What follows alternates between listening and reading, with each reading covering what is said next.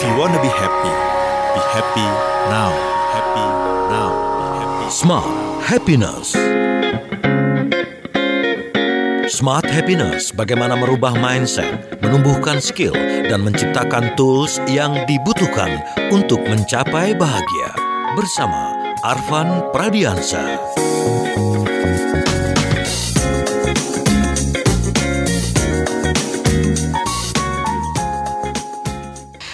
Action and my words say the same things too. Ini penggalan dari lagu yang sangat singkat.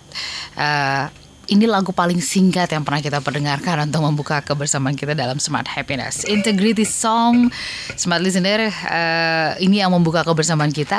Dan ini memang akan mengawali uh, topik yang akan kita bahas yaitu tantangan integritas. Selamat pagi Pak Arfan. Selamat pagi Mbak Ola. Apa kabar? Sengaja pakai putih ya supaya Iya. uh, apa kelihatan berintegritas. Iya ya kan Gambaran integritas tuh dicirikan dengan warna putih, ya. Iya, iya, iya, iya. Kebetulan koleksi putih saya habis jadi ya sudahlah ya. Kalau begitu kita janjian gitu. kan. Iya. Oke, my action and my words say the same things too. Mungkin analisa eh, konten dulu ya. Iya.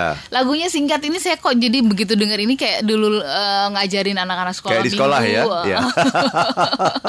Jadi ini musik tidak penting gitu ya. Jadi memang dibikin sengaja sangat sederhana sekali, sangat simple sekali ya. Tidak banyak aransemennya gitu. Yang paling penting sesungguhnya adalah kalimat-kalimatnya ini. Betul. Ini yang mengajarkan eh, pelajaran yang sangat mendasar sekali mengenai Integritas apa itu integrity. Mari kita lihat ya. Eh, judulnya Integrity Song. ya. I'm responsible for everything I sing, everything I say, everything I do. Jadi saya bertanggung jawab terhadap apa pun yang saya pikirkan. Oke, Nah itu yang namanya integritas itu mulai dari pikiran kan? mulai dari pikiran. ya apa yang saya katakan, apa yang saya lakukan, ya. Kemudian I am responsible for everything I feel. Saya bertanggung jawab terhadap apa yang saya rasakan. Yes. Ya. Integrity is the real deal. Ya, itulah integrity adalah uh, deal yang sesungguhnya gitu ya. What I think I can say, what I say I will do. Ya. Uh, apa yang saya pikirkan itulah yang saya katakan. Apa yang saya katakan itulah yang saya lakukan. My action and my words say the same thing too. Jadi uh, action saya dan kata-kata saya itu selalu sama.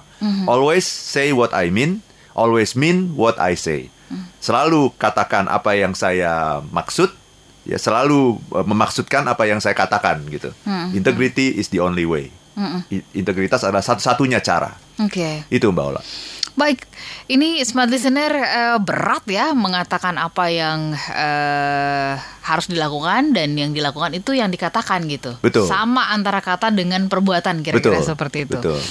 Mengapa kita membahas mengenai eh, integritas? Apakah Pak Arfan melihat bahwa eh ya akhir-akhir ini atau saat-saat ini integritas menjadi sesuatu yang sangat langka, mahal banget harganya, Iya. sulit untuk dilakukan atau bagaimana?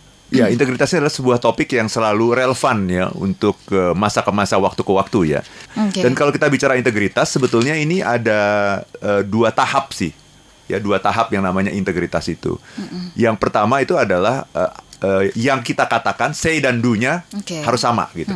Jadi kalau saya sudah bilang, Ola hari ini saya akan eh, datang pagi ini siaran di Smart FM jam 7.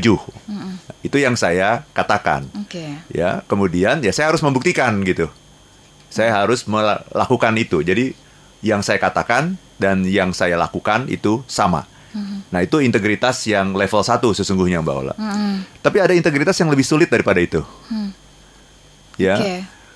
kalau yang pertama itu eh, bisa diobserve bisa diamati oleh orang lain gitu Ya terlihat. ya. terlihat. Jadi kalau saya melanggar itu langsung reputasi saya rusak. Iya kan, udah janji ditunggu-tunggu, taunya nggak datang. Nah, reputasi langsung rusak. Sehingga ini lebih mudah orang untuk menjaganya. Ya, yang lebih sulit adalah yang level 2 Oke. Apa itu level 2 Bukan what uh, what I say I I will do, tapi what I think I will say. Jadi antara think harus sama dengan say. Apa yang saya pikirkan harus sama dengan yang saya katakan. Sementara kita nggak bisa membaca pikiran orang, kita nggak tahu. Betul, Itu kan betul. tersimpan sekali gitu. Iya, itu adalah rahasia pribadi kita gitu. Gitu. Dan eh, kalau saya berbeda antara apa yang saya katakan dengan yang saya pikirkan, Tidak ada satu orang pun yang tahu kecuali saya dan Tuhan gitu. Nah, ini integritas level 2 yang pastinya akan lebih lebih sulit gitu karena kita sering kali eh, berpikir yang berbeda dan mengatakan yang berbeda. Hmm. Itu Mbak Ola. Oke, itu bisa ya kita manipulasi atau kita bisa eh, tutupi ya. Iya, karena nggak ada yang Artinya, tahu. Kita berpikir apa, tapi kemudian kita katakan apa itu bisa kita tutupi. Kita Iya. bisa manipulasi itu gitu ya. Iya, misalnya kita sebetulnya nggak suka banget sama orang ini. Ya, tapi kemudian kita mengatakan yang berbeda. Oh, Mm. Bapak eh, baik sekali. Ini presentasinya bagus sekali. Padahal kita bilang ini apa sih sebenarnya gitu. Hmm, di belakang tuh apaan sih gitu. Bikin enak aja. Iya, tapi Iya, iya. karena nggak ada yang tahu, nggak ada yang melihat, nggak ada yang menyaksikan, ya kita melakukan itu. Hmm. Dan kadang-kadang juga ada sebuah pressure sosial ya, Ada social pressure untuk kita mengatakan itu, Hmm, gitu. Oke, adakah eh, tidak adakah cara misalkan atau eh, apakah itu tidak akan terlihat dari misalkan bahasa tubuh sekalipun itu eh, tersembunyi itu tidak terlihat dari dari mimikah itu Iya. nggak bisa kelihatan Pak Arfan. Sebetulnya tubuh kita memberontak, Oke. gitu. Itu sudah sebuah sistem yang integ- integral yang diciptakan oleh Tuhan. Kita itu harus selaras gitu. Mhm. Ya. Nah nanti Tapi eh, ketika tubuh memberontak itu Kita suka- belum tentu orang menangkap gitu. Iya, iya, iya. Itu tergantung kecanggihan kita dalam berakting gitu. Oh, oh, kecanggihan dalam berakting. Ya, ya, ya, ya. Oke, smart listener, eh, kita sambung nanti di sesi berikutnya bicara mengenai tantangan integritas. Apa saja sih tantangannya gitu? Apakah sebenarnya tantangan terbesar itu datangnya dari dalam atau justru dari luar? Iya. Konon katanya kenapa banyak yang korupsi, kenapa banyak yang kemudian berselingkuh karena tantangannya terberat itu dari luar katanya seperti Hmm, itu. Iya, iya, iya, iya. Nggak tahu yang benar yang mana nanti. Nah, nanti kita Nah, bahas. Kita bahas ya. Kami jelas sesaat. Smart Happiness.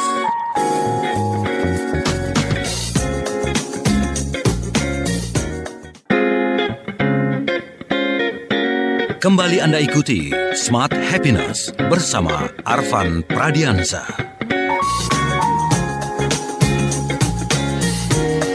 Smart listener dan juga sahabat yang bergabung terima kasih untuk Anda yang ber eh, sudah berkirim SMS dan juga WhatsApp ya. Eh, ada Murni di Jakarta yang berkomentar eh, sebentar sebelum kita ke Pak Arfan bi- bicara mengenai integritas. Kayaknya integritas itu sering kali hanya menjadi eh, sebuah teori aja katanya seperti itu ya Pak Arfan. Karena dalam pelaksanaannya susah banget dan banyak orang yang memilih untuk yang penting semua orang happy katanya. Semua orang senang. Itu Iya. murni ya. Ada David di Surabaya yang berkomentar mengenai integritas. Kayaknya niscaya deh kalau integritas itu dipraktekkan karena apa? Eh, ya lingkungannya atau tempat kita tinggal eh, saat ini kayaknya tidak menghalalkan yang namanya integritas, Pak Arfan. Justru sebaliknya gitu ya. Hmm, iya. Eh, se- menghalalkan segala cara. Jadi frustasi kalau kita mau melakukan yang berbeda katanya seperti itu. Baik, itu dua eh, catatan dulu dari David dan juga Murni. Ya. Mari eh, kita sambung dulu. Pak Arfan nanti juga bisa mengulik dari apa yang mereka sampaikan. Ini Ya. kayaknya ragu-ragu, mempertanyakan mungkin nggak sih gitu. Iya. Nah, eh, bicara mengenai integritas tadi Bapak sudah sampaikan definisi integritas. Integritas itu ternyata ada levelnya ya. Iya, betul. Level 1 dan level 2 ini kita sampai sudah sampai di level yang mana nih gitu. Betul. Level satu aja susah. Level 1 aja susah gitu. Apalagi level 2, iya. Menjaga supaya yang kelihatan kelihat dulu gitu Iya. kan. Apa sih eh, tantangan-tantangan yang dihadapi em, dalam integritas itu di, di, ditegakkan ya Pak Arfan? Iya, jadi sebetulnya kita harus tahu kata kuncinya. Kata Apa sih kunci. kata kunci integritas itu? Ya, banyak orang yang berpikir bahwa integritas itu eh, kata kuncinya itu adalah satunya kata dan perbuatan. Hmm. Hmm. Mm-mm. Banyak yang berpikir seperti itu. Betul. Padahal bukan itu. Hmm. Ya, kata kunci integritas itu cuma satu Mbak Ola, Oke. kesempatan. Kata kunci integritas adalah kesempatan. Iya. Oke. Jadi kalau tidak ada kesempatan, Mm-mm. semua orang itu baik. Oh. Semua orang itu berintegritas. Kalau tidak ada kesempatan. Oke. Ya akan mengubah orang itu adalah kesempatan. Ketika ada kesempatan baru kelihatan siapa yang punya integritas, siapa yang tidak. Jadi yang dibilang sama Bang Napi itu bener ya?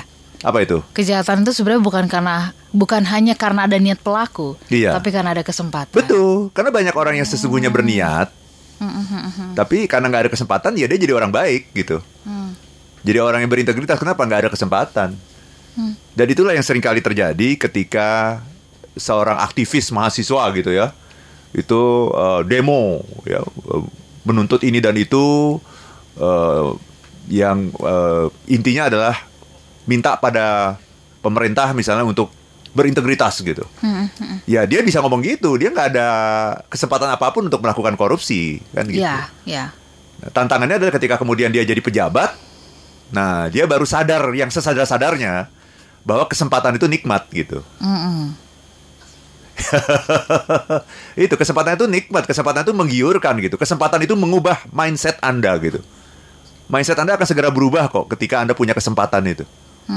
Itu Mbak Ola. Dan sekecil apa pun kesempatan itu akan menggoda Anda untuk tidak berintegritas gitu. Karena kita yang namanya manusia itu kan selalu mengejar pleasure kan, mengejar Betul. kesenangan kan, Betul. dan menyangka bahwa kesenangan itu adalah kebahagiaan gitu. Menyangka bahwa pleasure itu adalah happiness gitu. Sehingga dia kejar terus. Sekecil apa pun kesempatan itu pasti akan dimanfaatkan gitu. Jadi jangan ngomong integritas ketika Anda nggak punya kesempatan. Hmm. Karena itu hanya teori. Oke. Betul kata Ibu siapa tadi? Murni. Murni. Itu teori. Itu Mbak. Jadi kalau kita berada di antara orang-orang baik semuanya gitu ya yang melakukan eh, ya dengan spiritual tinggi dan sebagainya gitu. Iya. Belum teruji sebenarnya integritasnya. Belum teruji, ya. Integritas itu harus dikasih kesempatan dulu. Oke. iya, ada nggak kesempatannya? Iya iya iya iya. Nah, kesempatan sekecil apa pun dimanfaatkan masalahnya. Em, contohnya apa misalnya? Bikin status. Mm-mm. Itu kan opportunity kan?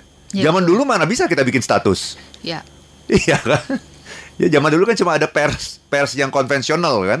Mana bisa kita bikin status sekarang ini terus jadi viral dan sebagainya. Nah, itu kan sebuah power juga. Oke. Itu power yang kecil loh sebetulnya. Iya. Itu pun disalahgunakan. Oke, jadi ketika tidak ada kesempatan, semua orang baik, semua orang itu eh, apa namanya eh, indah gitu sih, Iya, kira-kira iya, gitu. berintegritas. Berintegritas. Iya. Jadi ketika ada kesempatan lah, kemudian dia baru akan terlihat dia jadi pengkhianat kah, Iya, iya, gitu iya. ya.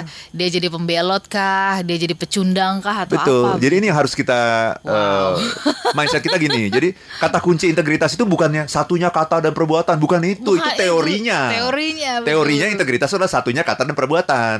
Nah, kita tidak sedang bicara di level teori, kita bicara di level realitas. Kata kunci integritas itu cuma satu kok. Kesempatan. Udah itu aja. Mm-mm. Maka pria akan disebut sangat baik sekali ketika tidak ada godaan ya. Bener ya kan? Bener Pak Arfan? Yang nggak ada godaan, yang Iya. goda juga nggak ada. Yang goda juga nggak ada. Begitu ada yang goda baru Iya. akan teruji gitu ya. Iya, kalau Oke. nggak ada yang goda sih semua orang juga baik lah. Iya iya. Jangan hanya pria, perempuan juga loh. Iya. Kesannya kayaknya pria doang yang jahat, yang bisa jahat gitu. Iya, iya, kan. iya, iya. Oke. Pak Arfan, oke. Jadi sebenarnya em, kalau Pak Arfan mengatakan kata kunci integritas itu adalah kesempatan gitu ya. Eh, nah ini ini dia. Bagaimana kemudian respon kita sebenarnya? Eh, kita memetakan ini kesempatan eh, baikkah atau apakah atau apa? Nah itu mekanisme apa yang Iya. di dalam diri kita itu? Saringannya gimana? Kalau udah ada kesempatan ya udah nggak mikir begitu. Hmm. udah nggak sempat mikir begitu. Iya. Gitu ya. Karena Wow, kesempatan itu sangat menggoda gitu. Iya, iya. Ya manusia itu kan ada eh, terdiri dari daging dan roh ya. Betul. Gitu ya, daging dan roh. Nah, daging ini sangat menginginkan yang kayak kayak begitu itu gitu. Itu kebutuhan daging sih sesungguhnya gitu. Jadi ini kan di dalam diri kita kan ada dua gaya gravitasi ya Mbak Ola yang Betul, saling betul. tarik menarik Betul. ya. Daging itu mewakili gaya gravitasi bumi sesungguhnya gitu. Ya, sementara roh itu mewakili gaya gravitasi langit. Langit. Nah, kita kan tarik menarik nih antara langit sama bumi, dua gaya gravitasi. Tapi faktanya kita ini ada di Tengah-tengah. Bukan. Oh, sorry. Kita ada di bumi. Di bumi, iya, betul, bukan di betul, tengah-tengah. betul. Iya, iya, iya. Orang yang sedang eh, rest in peace gitu, dia mungkin sedang berada di tengah-tengah. Mhm. Antara bumi dan langit, sedang menuju langit. Kan kurang lebih seperti itu. Nah, kita ini berpijaknya di Bumi. bumi sehingga gaya gravitasi bumi itu jauh, Jauh lebih lebih kuat. Gitu. Oke. Dan sering kali kita juga menyerah kepada gaya gravitasi itu karena memberikan, menjanjikan kenikmatan yang segera gitu, Mbak Ola. Mm-mm. Itu, itu. Jadi kalau kesempatan udah di depan mata, jangan harapkan Anda bisa berpikir. Mhm. Nah, kalau mau berpikir, sebelumnya. Sebelum kesempatan itu di depan mata, nah itu. Anda bisa berpikir di situ. Jadi apa yang harus dilakukan supaya kemudian eh, kita bisa eh, bersikap benar ketika kesempatan itu datang? Iya. Jadi orang orang itu ada tiga. Ya, intinya ini adalah pada kesadaran ya. Orang yang pertama adalah orang yang eh, sadar setelah segala sesuatunya terjadi gitu. Iya kan? Udah dipanggil KPK baru sadar. Oh iya ya gitu ya. Ya, udah terbuka ininya videonya viral di mana-mana baru sadar. Ya, itu orang yang eh, sangat berada di bawah ya, level yang paling bawah tuh itu. Jadi dia tidak punya kecerdasan emosional, dia tidak punya kecerdasan spiritual gitu. Ya. Level kedua yang agak di atas itu adalah sadar ketika sedang terjadi. Ketika sedang terjadi itu dia sadar gitu. Jadi oh ini ada godaan di depan mata itu saya sadar ini ini godaan nih. Nah orang itu adalah orang yang punya kecerdasan emosional sesungguhnya. Oh saya sedang tergoda nih gitu, sadar gitu.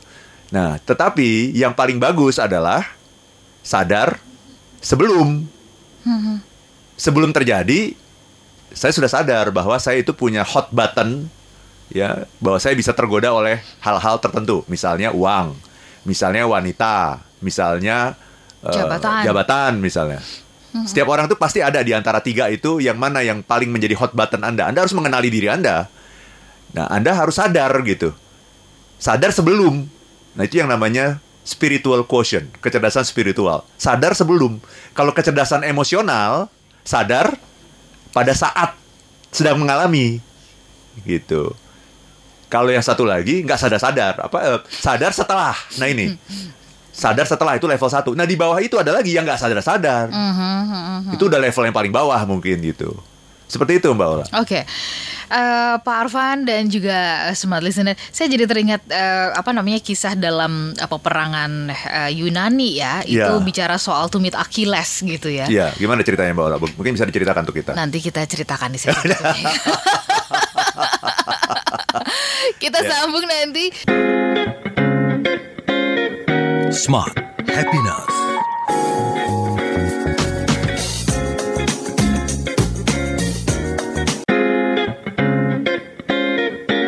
Kembali Anda ikuti Smart Happiness bersama Arvan Pradiansa.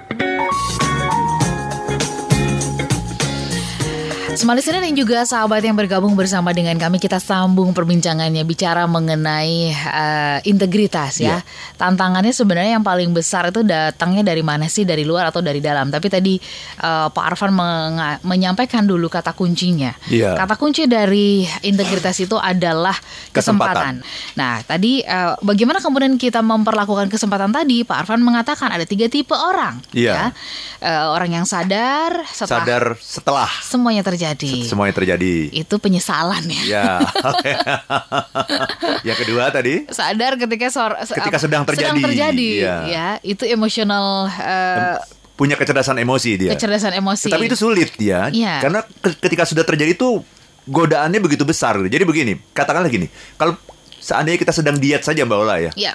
Sedang diet misalnya tidak ingin makan makanan yang eh, berkolesterol tinggi gitu ya, tapi kemudian kita eh, datang ke di sebuah acara jamuan di sebuah pesta itu ada makanan yang eh, katakanlah apa sate kambing gitu yang sangat eh, menggiurkan kita gitu. Nah kita harus menentukan pada saat eh, saat segalanya sedang terjadi itu ambil nggak ya, ambil nggak ya. Jadi hitungannya dalam hitungan detik mbak Ola. Itu atau ada orang yang menawarkan anda misalnya minuman keras misalnya gitu ya, atau obat misalnya gitu ya, eh, drugs misalnya gitu ya. Itu sudah ada di depan mata tuh. Oke. Cobain nggak ya? Cobain nggak ya gitu. Jadi mikirnya tuh di situ. Nah orang ketika dia mikir di situ, itu gaya gravitasi buminya akan lebih tinggi. Oke. Dan mungkin nanti ada bisikan-bisikan yang mengatakan, udahlah nggak apa-apa sekali ini aja deh, udah gitu. Mm-mm. Mm. Jadi mikir itu jangan ketika kita sedang berhadapan dengan godaan itu, itu kemungkinan kita gagalnya besar gitu. Mikir sebelumnya. Mm-mm. Itu itulah yang namanya kecerdasan spiritual. Sadar sebelum Mhm. bahwa saya ini hot button saya itu ada di area yang yang mana di antara tiga itu. Ya. Ya, apakah uang, apakah la- lawan jenis, Ya. Atau kekuasaan gitu. Ya. Power. Ya. Pasti ada di antara tiga itu. Oke, Eh, dan, dan ini yang kemudian eh, sering kali kita tidak sadari bahwa kita punya eh, sisi kelemahan itu. Kita menganggap itu kayaknya ordinary deh, semua oh orang bisa juga. deh, saya kan orang baik. Iya, gitu. dan kemudian semua orang juga melakukannya gitu. Iya, Benar nggak sih gitu? iya. Semua orang juga ya coba-coba sedikit kenapa sih? Iya, Coba-coba iya. berdekatan atau melakukan eh, ya itu kan experiential learning. Iya, experience untuk menambah adrenalin. Iya. Kumaha itu pemikiran-pemikiran yang Iya, kayak iya. gitu. Itu banyak bisikan-bisikan itu gitu. Ya, ya, semakin tinggi level kita ya bisikannya juga akan semakin semakin hebat juga gitu. Kan orang itu setan menggoda kita itu kan tergantung levelnya kan. Oh iya benar juga Kalau level ya. Mbak Ola itu apa misalnya Iya, nih iya, setannya S2 misalnya gitu kan. Iya, iya. Di atas Mbak Ola yang lebih yang lebih rajin beribadah lagi mungkin setannya S3 gitu. Di atas itu setan profesor itu Hmm. Gitu. udah. Jadi supaya nggak digoda sebaiknya nggak usah beribadah gitu. Nah itu omongan omongan barusan itu tuh omongan setan juga gitu. Udah daripada saya goda mending kamu nggak usah beribadah. Ah, gitu. Daripada nanti digodain mending nggak usah ibadah. Ya, itu. Sama oh, itu kan. masuk akal dong. gitu. Ya. Gitu. Jadi setan itu memang menggunakan rasio, Mbak. Iya, menggunakan rasio. Rasio, kan? iya. Dia dia sangat tahu manusia itu seperti apa karena dia sudah dia nggak pernah mati-mati dari dari dulu. Mm-mm. Iya kan? Jadi dia sudah me- me- memahami manusia yang ber, beribu-ribu generasi dia sudah paham gitu. Apa sih benang merahnya yang namanya manusia itu? Bisa digoda dengan cara apa sih? Gitu. Iya, iya. Itu Mbak Ola. Jadi memang setan tuh pinter banget ya. Iya. Oke, eh, Pak Arfan kita boleh ke SMS dan juga WhatsApp Silakan, dulu ya, Pak. Oke, ini ada yang bertanya, integritas itu katanya perlu dilatih dan dibudi- eh, dibudayakan. Sebagai contoh di kantor saya, ya, kita punya corporate culture, salah satunya adalah integritas. Iya. Sudah lima tahun ini kami memutuskan tidak berbisnis dengan government agar berbisnis dengan integritas. Iya. Dan ini malah meningkatkan performance bisnis more than tiga pers 30 persen Iya. dari Pak Nel Imran. Wow, Iya, Oh, keren setuju. sekali. Bagus sekali. Jadi begini. eh, betul tadi Pak siapa namanya? Pak Nel Imran. Pak Nel Ibran mengatakan integritas itu dilatih dan dibudayakan. Nah, ini penting sekali. Karena banyak orang yang salah me- beranggapan mengenai integritas. Mereka beranggapan bahwa integritas itu adalah sesuatu yang permanen, Mbak Ola. Permanen. Itu, iya, jadi Ya, kalau ya. misalnya Mbak Ola adalah orang yang berintegritas, udah itu kayak sebuah status yang melekat gitu. Udah, pokoknya- permanen. Pokoknya dia pasti berintegritas gitu. Padahal sesungguhnya integritas itu adalah sesuatu yang bersifat sangat sementara. Sangat temporer yang namanya berintegritas itu. Karena bisa jadi seseorang itu berintegritas, hari ini dia berintegritas, minggu depan masih, tahun depan masih, tapi satu ketika dia menjadi orang yang sangat tidak berintegritas. Bisa seperti itu gitu. Jadi kita harus menyadari bahwa integritas itu bukan sesuatu yang permanen. Jadi bukan kayak misalnya Mbak Ola atau kita adalah sarjana ya. Ya. Mbak Ola sarjana komunikasi. Ya, Itu permanen kan? ya, ya, Sampai meninggal saya sarjana komunikasi kan? ya, Betul ya? ya. Nah, walaupun satu ketika pelajaran yang dulu diajarkan di bangku kuliah udah lupa semua. Mhm, Gitu ya, tapi tetap sarjana komunikasi kan? mhm. Itu permanen. Itu permanen namanya. Nah, integritas itu bukan sesuatu yang permanen. ya. Ya, Itu ketika perlu. eh, ketika kita menganggap itu permanen, nah di situ justru Hmm. kita jadi lengah gitu. Oh, saya kan orang yang ber- berintegritas, bisa dong menghadapi situasi seperti ini, bisa dong. Hmm. Itu justru. Nah, Pak Arfan ada juga yang kemudian beranggapan bahwa integritas itu bicara hanya di lingkup misalkan gini. Ya sudah, kalau saya di kantor saya jadi orang benar. Kalau di luar kantor ya terserah saya dong. Nah, itu terserah dia. saya. Itu, Nggak iya, ada iya, kaitannya iya. hidup saya di kantor dengan hidup di luar. Itu bagaimana? Namanya saja integritas ya. Itu kan sebuah kesatuan ya gitu ya. Itu kok kalau mau dibedain gitu jadi kita sebenarnya makhluk amfibi ya. betul, betul. Kita ada di dua alam yang berbeda gitu. Kita menjadi individu yang berbeda gitu. ya. Iya kan? Jadi i- integritas adalah orang yang eh, punya satu wajah. Bukan punya dua wajah gitu. Itu Mbak. Ora. Ketika kita punya dua wajah, nah itu itu menunjukkan bahwa kita bukan orang yang berintegritas. Ya di depan orang kita bilang baik-baik, di belakang ngomongin orang. Ngomongin orang itu, itu bukan berintegritas. Oke. Lebih bagus Anda ketika Anda tidak suka pada seseorang, sampaikan di depan orangnya. Iya, iya, iya, iya. Nah ini kita nggak suka sama seseorang ngomongnya di depan orang lain kan kan seperti itu gitu. Itu menunjukkan kita tidak punya integritas gitu. Depan dan belakang tuh harus sama gitu. Itu Mbak Ola. Makanya ada pepatah lama yang mengatakan datang tampak muka, pergi tampak punggung ya. Iya betul. Jadi betul. harus sama muka sama, sama punggung. sama iya. Tapi muka sama punggung jangan sama dong. Iya. Itu itu setan. Maksudnya di pepatah itu mengatakan baik datang maupun pergi sama-sama dalam keadaan yang baik. sama-sama keadaan yang baik. Gitu iya ya. itu betul. Jangan jangan pergi gara-gara misalkan ngomongin atau datang karena ngomongin sebaliknya seperti Betul. kayak gitu. Iya betul Mbak Ola. Baiklah. Terus kemudian ada lagi dari Philip yang bergabung bersama dengan kita. Pak Arfan, eh, kalau dekat-dekat eh, apa namanya bulan Ramadan katanya Iya. begitu ya, semua orang tuh kelihatannya sangat berintegritas katanya Iya, seperti iya, itu iya, ya. iya. Tapi begitu sudah lepas dari dari eh, saat-saat eh, beribadah katanya begitu ya. Semua bukan semua orang sebenarnya begitu ya. Kecenderungan orang itu Betul. menjadi lebih eh, apa ya lupa bahwa Betul. dia adalah makhluk Tuhan. Itu sebenarnya faktornya kenapa Pak Arfan? Eh, saya nggak tahu juga ya, tapi sebenarnya di bulan puasa pun itu kan katanya setan dikerangkeng kan ya gitu ya. Eh buktinya di bulan puasa kemarin ada kerusuhan. Iya. Iya. Setannya pada keluar. Keluar semua, Berarti gitu. penjaranya kurang bagus. Jadi saya kira sih tidak ada faktor-faktor itu sih ses- Iya. sesungguhnya gitu. Ya. Cuman memang suasana bulan Ramadan itu kelihatannya gitu, kelihatan di permukaan sih ses- Iya, iya. sesungguhnya. Oke. Integritas itu bukan sesuatu yang ada di Di permukaan, bukan. Itu Tapi di kedalaman yang ya. di permukaan itu namanya pencitraan. Oh, betul, Nah, betul, itu looks betul. good namanya. Iya. Integritas itu adalah be good, Ya. bukan looks good. Oke. Itu Mbak Ola. Pak Arfan kita sambung nanti untuk satu sesi yang terakhir. Smart Happiness.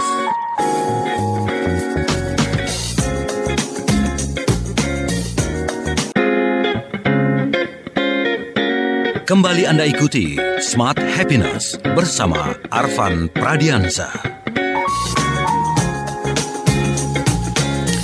Semua listener dan juga sahabat Sonora di seluruh Indonesia, terima kasih buat Anda yang terus bersama dengan kami. Ada Pak Irwan di Bogor, Pak Arfan, integritas itu seperti apa kalau diskon belanja yang sangat menarik ketika dompet menipis katanya. ya, kalau ada diskon belanja menarik, dompet menipis ya jangan belanja. Iya. kalau saya sih begitu. Kalau apa respon Pak Arfan silakan. Hmm, ya biasa aja sih. Biasa aja ya? nggak ada masalah itu. Ya. Iya. Apakah integritas itu seperti kalau ada diskon belanja yang sangat menarik ketika dompet menipis misalnya seperti itu? Ada tawaran menarik gitu Iya, tapi dompet iya. lagi menipis katanya. Ya tergantung apa yang mau anda beli itu penting apa enggak gitu. Mhm. Ya melanggar nilai-nilai apa enggak itu aja gitu. Kalau emang sesuatu yang penting yang perlu anda beli ya beli aja kan gitu. Ya. Iya. Oke, terus kemudian ada Pak Budi di Surabaya. Integritas berarti nggak bisa dibangun eh, permanen ya, Pak Arfan? Eh, nggak bisa. Nah itu kita harus punya kesadaran itu gitu, bahwa kita bisa tergoda karena kita manusia gitu. Mm-mm. Itu Mbak Ola. Dan godaan terbesar integritas tahu nggak apa? Godaan terbesar kita untuk melanggar integritas itu adalah predikat terpercaya. Wih, deh, iya bener juga tuh. Iya, iya. Gitu. Anda punya predikat misalnya gini. Oh ini suami terpercaya nih gitu. Nggak mungkin dia selingkuh. Itu kan? Nggak mungkin. Apalagi motivator lagi katanya kan gitu. Nggak mungkin dong motivator selingkuh. Gitu. Oke. Nah, akhirnya apa? Kalau ada yang ngomong begitu, yang memberikan predikat itu kepada saya, kemudian saya saya merasa apa tuh Mbak Ola? Wah. Nggak mungkin Afran Pradiansa selingkuh, nggak mungkin Nggak dong. mungkin. Ya. Terus gimana? Di satu pihak, ini yang namanya kepercayaan itu selalu bermata dua gitu. Di satu pihak saya ingin menjaga itu, ingin membuktikan bahwa itu benar, tapi di lain pihak Mbak Ola, ada sebuah godaan-godaan di dalam diri yang ber, yang membisiki saya itu gitu, untuk mengatakan, eh kalau kamu selingkuh nggak ketahuan, Mm-mm. kan kamu terpercaya, Iya. kan nggak mungkin gitu. Mm-mm, mm-mm. Nah, jadi ini yang berbahaya itu godaan terbesar untuk melanggar integritas adalah predikat terpercaya.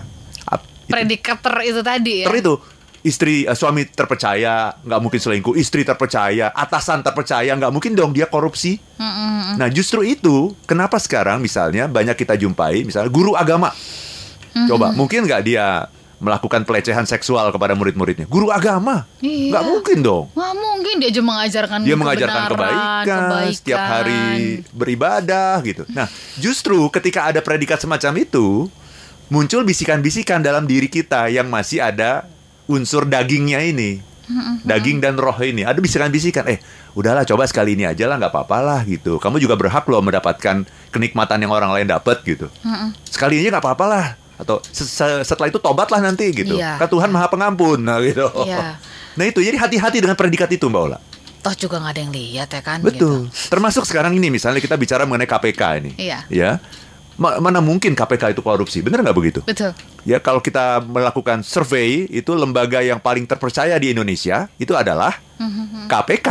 Oke. Itu lembaga paling terpercaya di Indonesia. Nah karena itu apa? Nggak mungkin KPK kok kom- komisi pemberantasan korupsi. Kok korupsi? Korupsi, Nggak mungkin. ya, ya. Nah di satu pihak betul bahwa itu akan membuat eh, orang-orang di KPK menjaga itu. Tapi di lain pihak, nah ini justru ada bisikan-bisikan. Ya udah, nggak apa-apa, lakukan saja. Toh semua orang nggak ada yang percaya kalau kamu korupsi. Ya. Itu bahayanya Mbak. Karena sudah eh, sudah dapat predikat sebagai yang terpercaya. Ya terpercaya ya. Eh, predikat itu ternyata ya benar yang Pak Arfan katakan itu seperti pedang bermata dua ya. Iya, Mbak Ola nggak mungkin, Mbak Ola korupsi nggak mungkin. mungkin. Ya, nah, langsung tuh ada sebuah pikiran-pikiran yang mem- membisiki kita terus. Udahlah sekali ini aja nggak apa-apa, cuma sekali kok gitu. Orang lain berkali-kali, ya, sekali aja. Nanti juga bertobat bisa, Tuhan maha pengampun. Gitu. Nah itu itu bahaya sekali makanya itu predikat-predikat itu. Ya misalnya ada orang dapat Bung Hatta Anti Corruption Award, wah gitu kan? Nah itu nggak mungkin dia korupsi, Oh, terbukti dia mendapat eh, penghargaan dari Bung Hatta itu anti corruption gitu, nggak mungkin. Nah, siapa bilang? Nah, itu Mbak Ola. Jadi hati-hati dengan gelar-gelar semacam itu gitu karena itu akan membuat kita terlena. Eh, eh, kesadarannya adalah tadi Bapak mengatakan bahwa kita ini kan masih manusia yang terdiri dari daging dan roh tadi. Iya. Dan kita berpijak di bumi Betul, yang, ga- yang- gaya tariknya sangat kuat sekali iya. gitu ya. Kecuali kalau kita nanti sudah sudah rest in peace itu kita sedang sedang menuju langit itu. Itu di antara itu. Jadi kekuatan gaya gravitasi bumi sudah tidak bisa menahan kita. Nah, sekarang ini kan faktanya kita berpijak di bumi. Artinya setiap orang punya kecenderungan untuk menginginkan kenikmatan-kenikmatan duniawi dan itu manusiawi. Itu Mbak Ola. Jadi hati-hati itu dengan dengan predikat-predikat status-status itu loh. Oke, Pak Arfan, eh, kita sampai di di ujung kebersamaan kita, Iya. supaya kemudian perbincangan integritas yang penuh dengan tantangan ini tidak membuat eh, listener dan juga sahabat sonora semakin mengernyitkan kening gitu kan ya? Kenapa mengerjakan kening? Oh, susah ya gitu ya. Apa yang bisa kita lakukan mulai dari saat ini gitu Iya. ya? Untuk eh, tali Bapak mengatakan melatih integritas tadi dan Iya. jangan eh, kepedean juga di antara kita. Misalkan seperti tadi Bapak katakan bahwa kalau kita sudah eh, artinya di waktu-waktu sebelumnya kita nih dapat predikat sebagai orang yang baik ya, Iya, yang bisa iya. dipercaya gitu. Bisa jadi mungkin besok atau lusa kita jadi pengkhianat gitu Betul, kan. betul. Ingatkan kami apa yang mesti dilakukan. Nomor satu menyadari bahwa eh, integritas itu memang susah. Memang harganya mahal. Memang segala sesuatu yang harganya mahal itu ya susah gitu. Itu kalau yang namanya kemalasan itu gampang.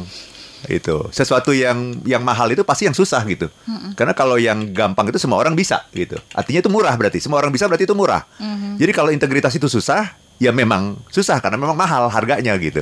Nah, yang kedua yang harus kita selalu lakukan adalah kita harus selalu dalam podi- posisi sadar gitu.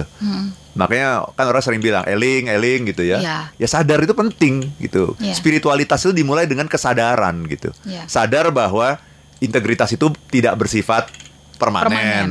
Integritas itu sangat temporer. Sadar bahwa sebagai manusia kita sangat mungkin tergoda karena kita masih ada unsur dagingnya. Gitu ya. Jadi intinya tuh sadar gitu. Karena integritas itu dilakukan ketika orang tidak sadar. Tidak sadar apa? Mungkin bisa tidak sadar secara emosional atau tidak sadar secara spiritual. Nah, tetapi sulit untuk menjadi sadar ketika godaan ada di depan mata. Ya. Gitu. Makanya sadarnya sebelum. Jadi dari jauh-jauh hari saya sudah sadar nih, ini apa nih yang kira-kira titik lemah saya di mana nih? Kemungkinan-kemungkinan yang bisa menjebak saya nih di mana nih? Godaan-godaan itu di mana nih? Sadar dulu. Sadar sebelum itu namanya spiritual quotient. Sadar ketika sesuatu sedang berlangsung itu emotional quo- quotient. Ya, sadar setelah berlalu itu hanya menghasilkan penyesalan. Dan yang lebih buruk lagi nggak pernah sadar walaupun sudah melakukan kesalahan gitu. Oke. Itu Mbak Ola. baik, baik. Oke, smart listener, siaran ulang dari perbincangan ini ada di hari Minggu jam 7 malam ya. Jadi bisa disimak dan Anda bisa mendengarkan eh, atau menyaksikan kami juga melalui YouTube channel Smart FM. Iya, YouTube saya juga ada yang baru loh, Mbak. Oh, iya. Mbak Ola, iya. Nanti di, dicari di eh, Arfan Padiansyah ya. YouTube yang baru ada ya. YouTube yang baru. Dengan tampilan baru semuanya. Oh wow, oke. Silakan subscribe di sana ya. Silakan subscribe. Jangan lupa subscribe juga ke Smart FM ya. Oke, Smart Listener, minggu depan kita akan jumpa kembali. Saya Lana Nurlija. Dan saya Arfan Pradiansyah. If, you wanna be happy, be happy now. Demikian Smart Happiness bersama Arfan Pradiansa, penulis buku bestseller Life is Beautiful dan The Seven Laws of Happiness.